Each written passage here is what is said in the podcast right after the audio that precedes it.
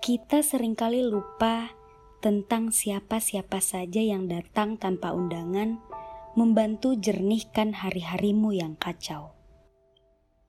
Kita sering lupa tangan-tangan mana saja yang bantu hapus derasnya air mata.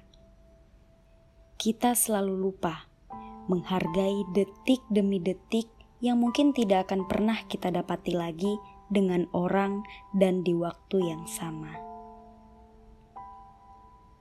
Apa, mereka sangat-sangat mengerti kok. Tapi kamu itu butuh istirahat. Boleh melampaui batas, tapi jangan melewati kadar. Kalau capek, ya berhenti aja sejenak apa kamu gak kasihan sama hati dan pikiranmu yang dipaksa kerja keras setiap hari? Gak apa-apa kecewa, sedih, marah, bahkan jengkel sama keadaan. Mulai dari waktu yang terkuras, tenaga yang diperas, itu gak apa-apa.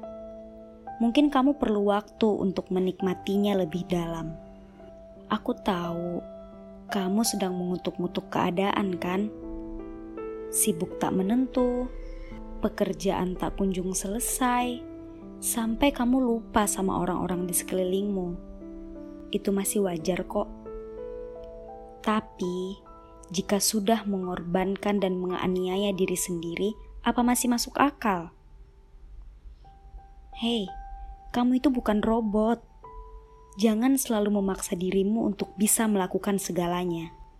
Jangan selalu menuntut untuk lebih hebat dari orang lain. Kalau ada yang menganggapmu remeh, biar Tuhan saja yang jelaskan pada mereka bahwa kamu itu manusia luar biasa. Setiap kita itu kadarnya berbeda-beda, kan? Kamu pasti paham sekali dengan hal ini. Iya, banyak di luar sana orang-orang hebat. Hanya kamu lupa sama diri kamu yang tadinya gak bisa apa-apa, tapi sekarang justru sudah melewati miliaran hal-hal hebat. Eh, kamu kenapa sih? Kamu udah gak sayang sama dirimu?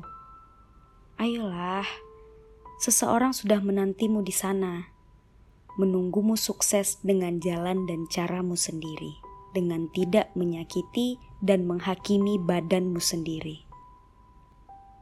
Si penunggu itu adalah dirimu yang kamu idam-idamkan belasan tahun yang lalu. Semangat ya, jangan menyerah.